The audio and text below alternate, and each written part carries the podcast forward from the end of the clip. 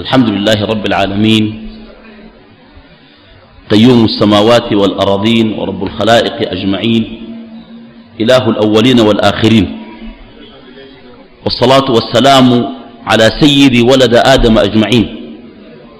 حبيب رب العالمين المبعوث بخير دين الهادي إلى صراط الله المستقيم. وعلى آله وأصحابه أجمعين.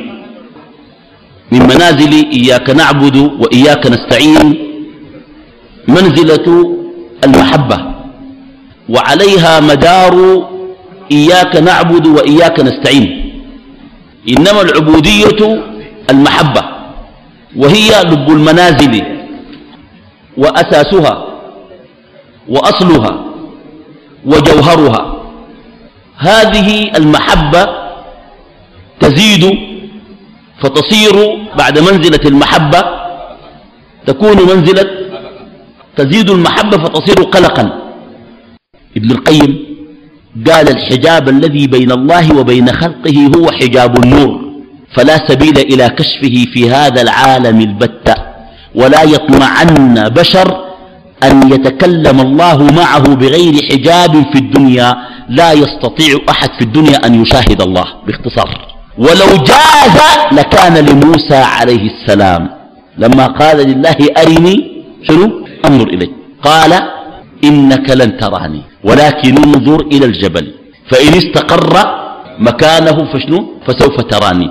فلما تجلى ربه للجبل جعله دكا.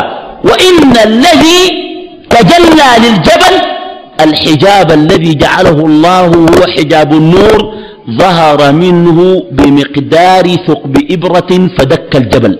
جل وعلا حجابه النور كما قال عليه الصلاة والسلام. فقيل له هل رأيت ربك ليلة المعراج؟ قال نور أنا أراه. فبالتالي ابن القيم يقول إذا قيل بالحجب آه ذكر بعد شنو؟ لا يغطيها حجاب تفرقة معناها ابن القيم وجه الكلام. ابن القيم وجه الكلام. قال ليس للعبد في الدنيا مهما بلغ من الإيمان أن يشاهد الحق. ولكنه يشاهد شواهد الحق. شواهد شنو؟ الحق. ما شواهد الحق؟ قال أنوار الأعمال والإيمان والمعارف وصفاء البواطن والأسرار فالصادقون في أنوار معارفهم وعباداتهم وأحوالهم. بمعنى يرى بقلبه عظمة الله. يرى بقلبه علوم ومعارف علمه الله إياها. يرى بقلبه القرب من الله. لكنه لا يمكن أن يرى الله جل وعلا في الدنيا. قال تعالى لا تدركه الأبصار وهو يدرك الأبصار. انتهى الكلام. ده كلام رفيع. قال سئل بعض الناس عن مشاهدة الله. فقال من أين لنا مشاهدة الحق ولكن لنا شاهد الحق؟ وشاهد الحق القلوب الصافية العارفة ترى ذكر الله بقلبها ومحبته وتعظيمه وإجلاله وتوقيره. وهذا شاهد لها على الإيمان وتقويته. يعني هو لا يطلب أن يرى الله عز وجل ليقوى إيمانه. ولكنه يقوى إيمانه بشواهد الحق عظمة الآيات وعظمة الكون وعظمة ال ال ال ال القرآن ومن خلال كلام الله هو شنو؟ يعرف الله. من خلال آيات الله الكونية يعرف الله. من خلال ما قام في قلبه من المعارف والعلوم والذكر والمحبة والإجلال والتوقير هو يعرف الله جل وعلا. موسى عليه السلام ذاق حلاوة القرب والأنس بالله. وذلك من خلال أن الله كلمه كلمه كفاحا. عشان كده قال ربي أرني أنظر إليك. أراد أن يستعجل. وهذا من عدم اصطباره بعد أن وصل به الشوق ما وصل بعد أن ذاق حلاوة المناجاة وحلاوة الكلام. وكانت حلاوة لا تضاهيها حلاوة ولذة لا تضاهيها لذة ولم يسبق لغير موسى هذا بدليل قول جل وعلا وكلم الله موسى تكليما. ألم يكلم نوحا؟ ألم يكلم كذا؟ كلمهم بالوحي ولكنه كلم موسى شنو؟ تكليما كفاحا. فسمع موسى كلام الرب وناديناه من جانب الطور الأيمن وقربناه نجيا كان موسى في صحراء سيناء قرب نجيا عليه السلام حتى سمع سريف الأقلام وهي تكتب في السماء عند الله. صوت القلم مع الورقة سمعوا وفي صحراء سيناء وسمع الأقلام التي تكتب في السماء. والأقلام بتكتب في السماء. عشان كده قال رفعت الأقلام. وشنو؟ الأقلام دي شنو هي؟ هي أقلام تجري فتكتب المقادير وتكتب الأرزاق وتكتب كل شيء. عشان كده قال رفعت الأقلام وجفت الصحف. سمع موسى صوت الأقلام صريف الأقلام وهي تكتب في السماء. بعد هذه الحالة الإيمانية قال شنو؟ أرني أنظر إليك. طيب. قال الهروي وهو على ثلاث درجات. القلق على ثلاث درجات. الدرجة الأولى قلق يضيق الخلق ويبغض في الخلق ويلذذ الموت. طيب هذا معناه قلق يضيق به خلق صاحبه عن احتمال الأغيار. هذا تفسير ابن القيم. ابن القيم يقول قلق يضيق الخلق يخلي أخلاق الزوج شنو؟ ضيقة. لماذا؟ لأنه لا يحتمل الأغيار. كل شيء غير الله ولا يحتمله. فلا يبقى فيه اتساع لتحملهم ولا التقيد بهم بل يصل العبد إلى درجة تعوقه أنفاس الخلق. لا يرضى الاحتكاك الكثير بالخلق. أنفاس الخلق شنو؟ تعوقه. لأنه يجد كلامهم يجري على غير ما ينبغي أن يجري عليه الكلام. ويجد أن في كلامهم من ذكر الأمور التي تقطع جمعية قلبه وتقطع إقباله على الله عز وجل. ولذلك يضيق شنو؟ الخلق. يضيق بالناس ليس هذا يعني أنه يسيئهم أو يذمهم أو يؤذيهم أو يبتعد عنهم لكنه يصل إلى درجة أنه يريد لقاء ربه ويريد لم يستمر. الشوق غلبه حتى قال أنس بن النضر وهل لريح الجنة إني لأجد ريح الجنة دون أحد. ده وصل شنو؟ أه؟ حتى أنا ما بيقدر يقرب. وهل لريح الجنة إني لأجد ريح الجنة دون أحد. طيب الناس التانيين ما لاقي ريح الجنة ولا كيف؟ هو في ريح يعني جات ريح جنة جات طوال كده. هو وصل درجة من الشوق إلى الله عز وجل لا يكاد يحتمل الأغيار لا يكاد يحتمل الدنيا. وأعظم الأغيار الدنيا. أعظم الأغيار الدنيا. ثم المفردات. الأولاد العيال وكذا وكذا. لكن ابن القيم يعترض.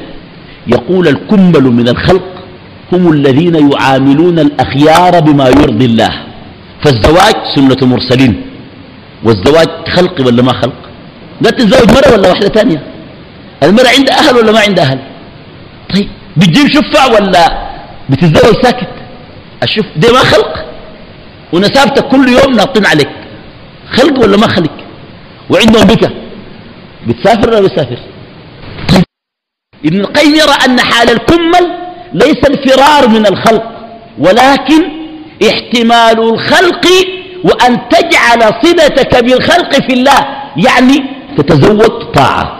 وتنجب الذرية وقمة التحدي أن تطوع نفسك لتربيتهم وفق ما يرضي الله فتكون الذرية سببا لدخولك الجنة بأن تطعمهم وتكسوهم وأن تقف على أحوالهم وأن ترشدهم وأن يكونوا صالحين وأنت تحتسب كل هذا في الله أن تصل الأرحام طاعة أن تصل الجيران طاعة وأن تتحمل أذى الخلق طاعة هذا حال الكمل.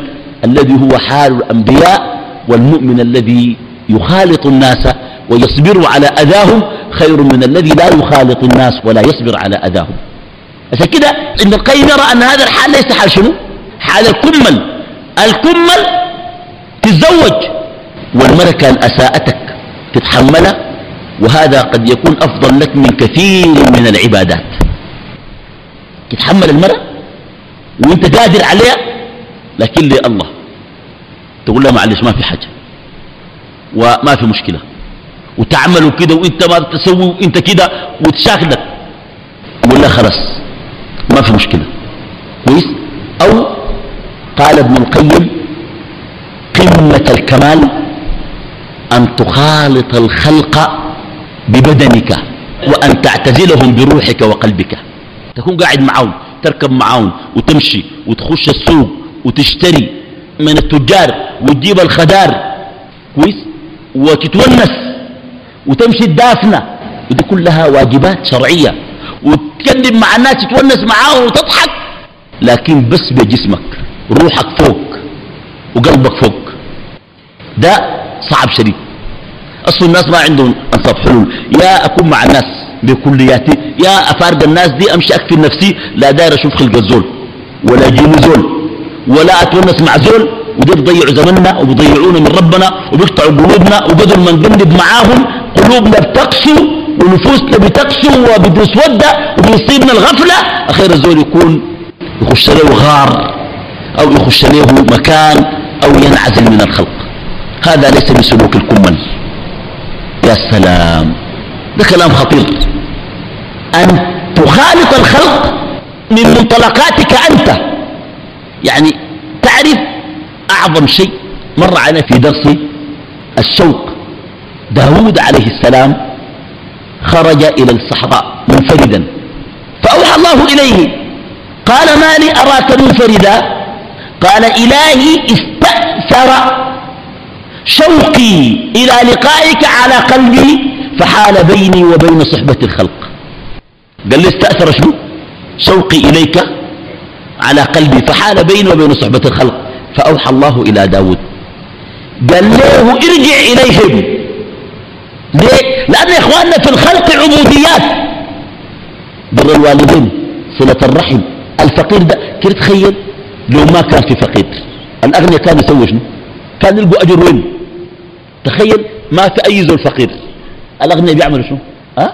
ما في حاجة جديدة. بس الصلاة والصوم كلهم بيصوموا ويصلوا لكن عشان يكون في تفاوت في الدرجات في ناس يصلوا ويصوموا وناس يصلوا ويصوموا شنو؟ سبق المفردون اللي بيتفردوا بالذكر. ذهب أهل الدثور بالأجور. الصحابة قالوا ذهب أهل الدثور بالأجور. طيب بيجوا يصلوا ويصوموا معاهم وبيجوا يقولوا أذكار. أو صلوا علموا الأذكار الأغنياء سمعوا بهذه الأذكار فقالوها. قالوا يا رسول الله إنهم فعلوا ما أشرت إلينا لندركهم به. قال ذلك فضل الله يؤتيه من يشاء. تاني نعملون شو يعني يعني المال نفسه باب من أبواب الخير. فبالتالي قال لي يا داود ارجع إليهم. فإنك إن أتيتني بعبد آبق أثبتك في اللوح المحفوظ جهبذا. ربنا قال لي داود لما خرج الخلق قال أنا زهجان من الناس. قال لي ارجع لهم. سوقك في الناس ديل. سوقك وين؟ في الناس. واحد ينبذك وتسكت. بقي عندك أجر ولا ما عندك أجر؟ ها؟ أه؟ لو ما نبذك بتلف الأجر ده وين؟ وكان نبذك وديته بنية. أنت هو سوا ما في مشكلة. لا أنت عندك أجر لا هو عنده أجر. خلاص الموضوع انتهى. لكن هو يسيئك وأنت شنو؟ تحسن إليه فترتفع عند الله درجات. وما يلقاها إلا الذين صبروا وما يلقاها إلا ذو حظ عظيم. ما إذا بيدر عليها. وهكذا. كويس؟ قال لي ارجع إليهم. فإن أتيتني بعبد آبق منهم أثبتك عندي في اللوح المحفوظ جهبذا. معناها هذا فهم العلامة ابن القيم رحمه الله تعالى. قال قال ابن القيم وهذه لا بد أن أنقلها. قال حدثني بعض أقارب شيخ الإسلام ابن تيمية رحمه الله أنه كان يخرج إلى الخلاء. يخرج وين؟ يمشي الخلاء. يا اخواننا شو بكلمك أنتوا ما الخلق؟ الناس بيتضايقوا. كان في زول لزاك ساكت. دفرك في الباب ده طلعت زاحمته قام واحد لزاك بتتضايق ولا بتتضايق بتتضايق لكن الصالحون يقولون أرسله الله خصيصا لنا لاختبارنا وامتحاننا. بيقول الله شنو؟ ربنا رسله. ما بقول له أنت أتئتني ولا أنت قاصد شنو؟ بيقول ربنا شنو؟ ربنا رسله. وقد مر علينا في المدارج أن رجلا من الصالحين كان يجلس أمام داره فجاءه رجل وأساءه بغير سبب. بدون مقدمات. قال له انت كده وانت كده. نبذ. ولا بيعرفوا قبل كده. تخيل ينفق زول يعني ممكن الناس يكونوا مشاحنين مع بعض وبيكرهوا بعض. ينفجروا في لحظة. لكن في زول من الله خلقك ما لقاك. بس جاء لقاك نبذك. انت عارف الرجل ده عمل شنو؟ الصالح ده دخل الدار وأغلق الباب. قاعد في البيت مسافة. بعد شوية طالع نسى الزول. وجد الرجل رجل السوء الذي أساءه ينتظره. الزول لسه مشى ده داير شنو؟ ده المشكلة إنت كم مرة تقول يا هوي؟ إنت قاصد شنو؟ عشان خليناك يعني أنت قايل حقارة يعني ولا شنو؟ أوريك الرجال اللي ما بتعرف الليلة. يا أخي ما فتنا خليناك. داير شنو؟ قام قاعد يتبسم. الرجل قال له ظننتك تستعين علي بشيء. تمشي تجيب أهلك تجيب سلاح. قال ذهبت وتبت إلى الله من الذنب الذي بسببه سلطك الله علي.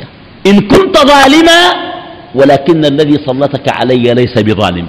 قال لي أنت شنو؟ ظالم. لكن شنو؟ الرست لك ما ظالم.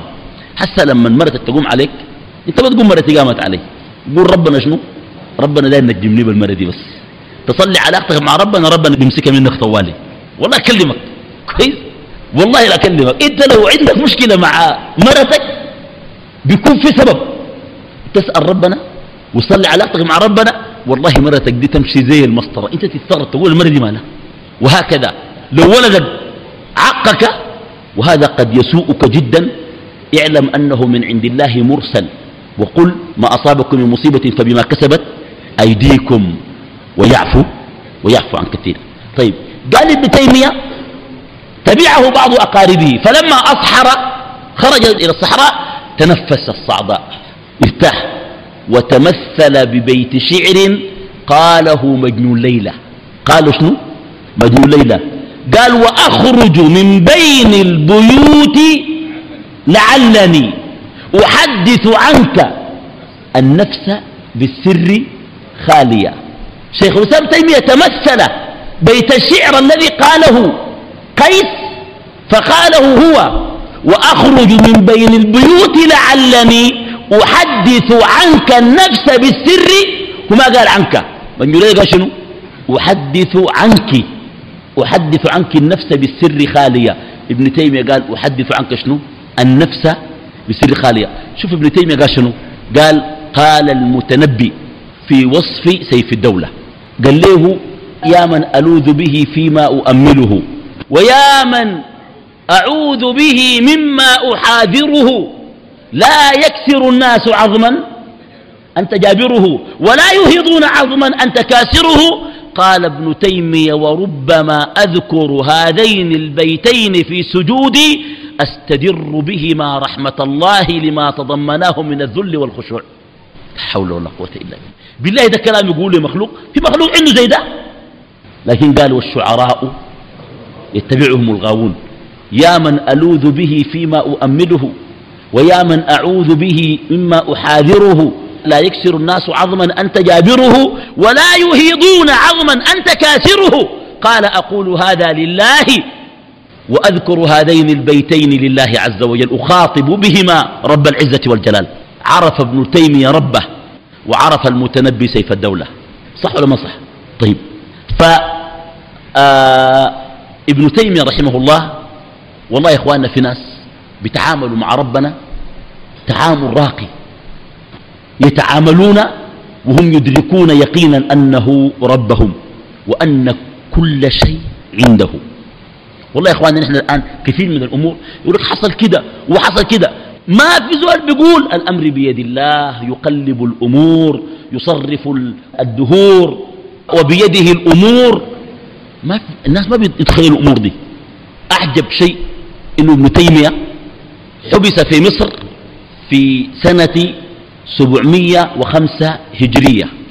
سجن لفتوى أفتاها أو لأنه كتب عقيدته الواسطية فتكلموا في هذه العقيدة فجيء به إلى مصر وناقشوه. حبس تقريبا من سنة 705 لحد سنة 709 هجرية.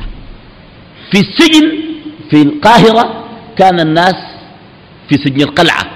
يترددون إليه. فنقل إلى سجن الإسكندرية. فقال مقولته المشهورة مساكين أعدائي. ما لا يفعل أعدائي بي. سجني خلوة بربي. وترحيلي سياحة في أرض ربي. وقتلي شهادة للقاء ربي. قال حيعملوا شنو؟ سجنتوني حتى تلاميذه قالوا له يا شيخنا نجد على وجهك البشر وأنت مسجون.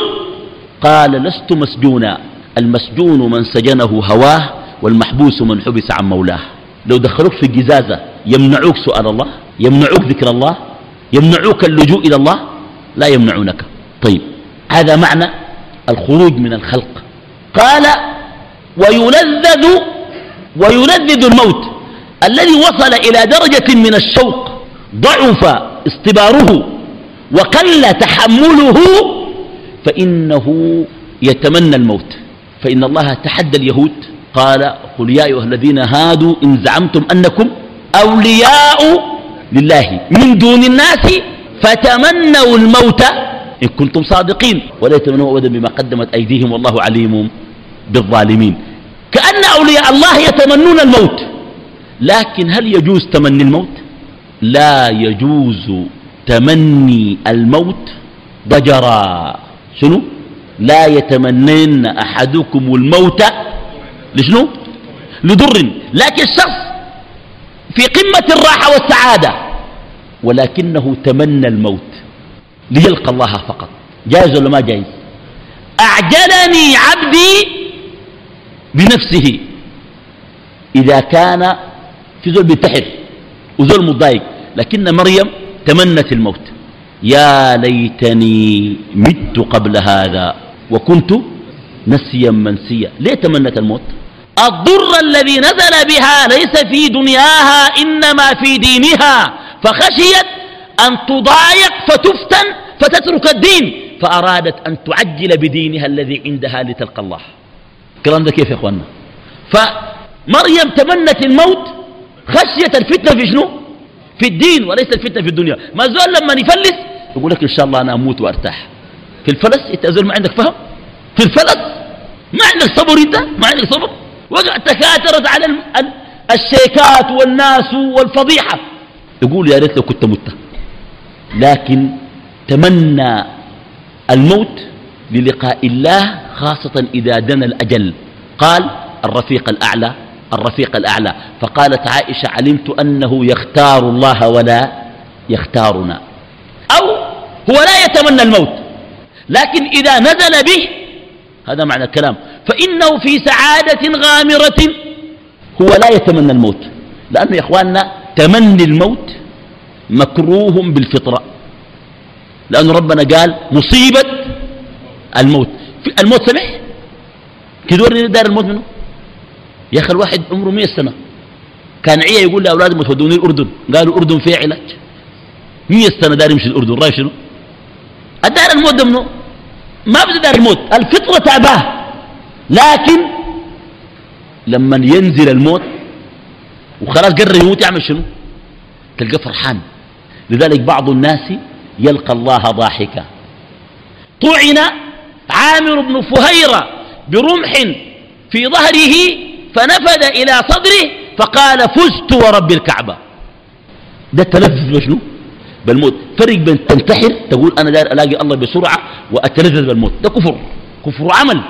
عرفت؟ أو أن تتضجر للدنيا. أما أن تكون في عافية وتطلب الموت فإن يوسف قال توفني مسلما وهو في قمة السلطان والأبهة والملك في مصر. تذكر الموت وما استعجل. لكن يتلذذ بالموت متى؟ إذا شنو؟ إذا نزل به. في ناس جسمين. الموت لما ينزل بهم من أحب لقاء الله أحب الله لقاءه. ومن كره لقاء الله كره الله لقاءه. في ناس أول ما الموت ينزل بتزحزح ويبكي ويعاين يشفعه ويبكي. يا زول ما بخارجك. أثبت. لكن ما منك. يثبت الله الذين آمنوا بالقول الثابت في الحياة الدنيا وفي الآخرة. تتنزل عليهم الملائكة ألا تخافوا ولا تحزنوا وأبشروا بالجنة التي كنتم توعدون. فبالتالي هذا معنى التلذذ بالموت. قال الهروي الدرجة الثانية قلق يغالب العقل ويخلي السمع ويطاول الطاقة.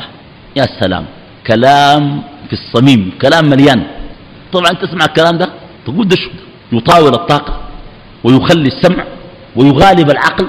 طيب قال ابن القيم صاحب هذه الدرجة عنده قلق لكنه أحيانا يصبر.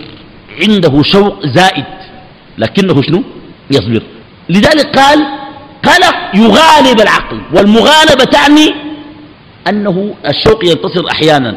والصبر شنو؟ ما قال يغلب. ما قال قلق شنو؟ يغلب العقل. قال شنو؟ يغالب. المغالبة معناها مدافعة يعني لم يستقر فعقله يغالبه. يا اخوانا شوفوا آه ابن القيم أفاد الهروية جدا لأنه حيجي هنا كلام مزعج. في المشاهدة مشاهدة الله والشهود. ابن القيم بيجي يخت الكلام في إطاره السني الكتاب والسنة في إطار المنهج الصحيح. بعيدا عن الفلسفات اليونانية والهندية الدخيلة ويحمل العبارة أكثر من احتمال ويلتمس للهروي العذر بأنه أراد العبارة الصحيحة وليس العبارة الموهمة. طيب يغالب العقل بعض الناس يرى أن المشتاق إذا وصل إلى درجة من القلق لن يكون قلقه تاما حتى يحصل له نوع اصطلام. اصطلام اصطلام معناه شطح. يحصل له شنو؟ شطح ويغيب عقله. ابن القيم يقول غياب العقل ليس محمود. عبادة الله تفضي إلى شنو؟ الوقار والهيبة والرزان والعقل والفهم والدليل الأنبياء والرسل الصحابة الأئمة العباد الزهاد على مر التاريخ من منهم عبد الله حتى ذهب عقله. ده مرفوض. يا إخوان العبادة تثبت العقل وتكمله وتزينه يا أخي. فبالتالي هذا معنى مغالبة العقل. يعني مرات يصبر نفسه ده معناه ومرات نفسه تدفعه. كويس؟ فبالتالي هذا مغالبة العقل. قال وإخلاء السمع ويخلي السمع. يا سلام ده كلام لطيف. قال إخلاء السمع يتضمن أمرين. إخلاء السمع يتضمن شنو؟ أمرين. الأمر الأول إخلاء السمع عن ذكر الغير. والغير هو شنو؟ غير الله. يخلي سمعه يعني ينظف سمعه وينزه أن يسمع شنو؟ ذكر الناس. يعني قاعد في محل فلان قال وفلان سوى وفلان صرح وفلان عمل وفلان عمل ده ما عنده طاقة. لأنه عنده قلق وحب لله شديد. ما بيتحمل يسمع ذكر غير الله. الزول لو بقى طوال يسمع قرآن الناس بيقولوا شنو؟ بيقولوا شنو؟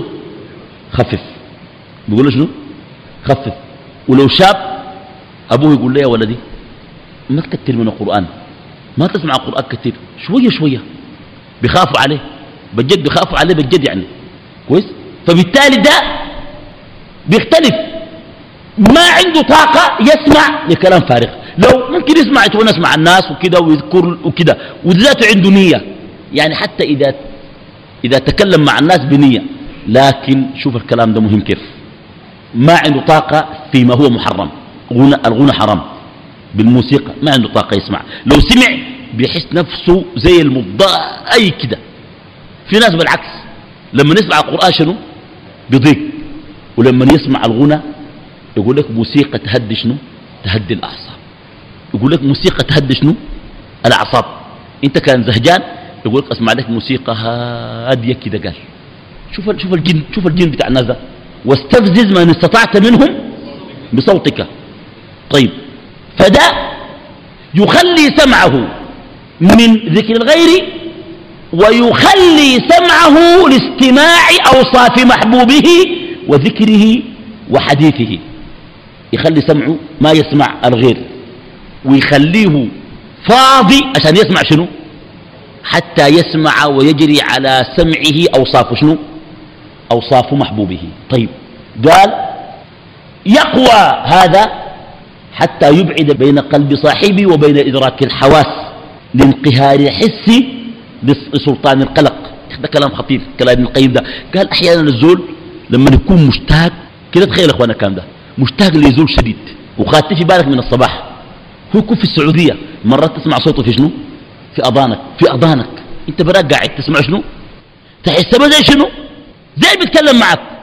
من أين جاءك هذا الإحساس؟ من سلطان الشوق الذي سيطر عليك. فغيب الحواس فصارت الحواس خاضعة ومتكلمة ومعبرة عن الشوق لا عن نفسها وحقيقتها. وكذلك المؤمن. يصل درجة من الشوق إلى الله سبحانه وتعالى. لو أنك قلت كلاما سيئا في أذني فإنه يكون كأن الكلام لا يسمعه كأنه غايب عنك. أنا شفت ناس شفت زول بيقرأ قرآن كثير بيحفظ طوال شال المصحف. هو نايم بيقرأ آيات. هو نايم نايم رسمي يشخر ويقرأ آيات. يقول لك الزمر وطوالي يكب لك آيات. وفعلا في الزمر الآيات. يونس وطوالي هو نايم رأي شنو؟ لأنه ده فهمه كده بيبقى في الموضوع. كويس؟ طيب. ويطاول الطاقة. طاقة الصبر يطاولها أي الشوق يصبح شنو؟ طويل على الصبر ويجاوزه. فالصبر لا يستطيع أن يقاومه. الدرجة الثالثة من القلق وهي قليلة. قال الدرجة الثالثة قلق لا يرحم أبدا ولا يقبل أمدا ولا يبقي أحدا. يقصد الهروي أن صاحب هذا القلق يقهره القلق. الذي هو شنو؟ القلق ازدياد الشوق. ازدياد شنو؟ الشوق. فازدياد الشوق يغلب ويقهر القلب. فإذا تعلق بالقلب لم يبق في القلب شيء. فليس لصاحب هذا القلق إلا أن يخضع لقلقه. لا يستطيع شنو؟ أن يقاومه ولا يقبل أمدا الأمد الأجل والحد. يعني هذا القلق ليس له زمن. خلاص لما يصل المرحلة يكون عنده شنو؟ زمن. وليس له مقدار يقف عنده. فلا ينقضي لأنه حاكم على القلب وليس بمحكوم عليه. كده قال شنو؟ قلق لا يرحم شنو؟ أبدا ولا يقبل شنو؟ أمدا ولا يبقي أحدا. من أصابه الشوق الشديد إلى الله إلى درجة القلق لن تجد في قلبه أحدا غير الله. سيمحو ويضمحل ويذيب كل شيء غير الله. لا تجده تعرض عليه الدنيا بما فيها فلا يلتفت إليها لأنه مع من؟ لأنه مع الله عز وجل. هذا معنى شنو؟ معنى القلق. العطش هو المنزلة القادمة من منازل إياك نعبد وإياك نستعين. إلى ذلكم الحين أستودعكم الله الذي لا تضيع ودائعه وأسأل الله تعالى يوفقنا لما يحبه ويرضى وأن يأخذ بنواصينا إلى البر والتقوى وأن يعيننا على هذه المنازل أن ننزلها حقيقة. بارك الله فيكم وجزاكم الله خيرا. والسلام عليكم ورحمة الله وبركاته.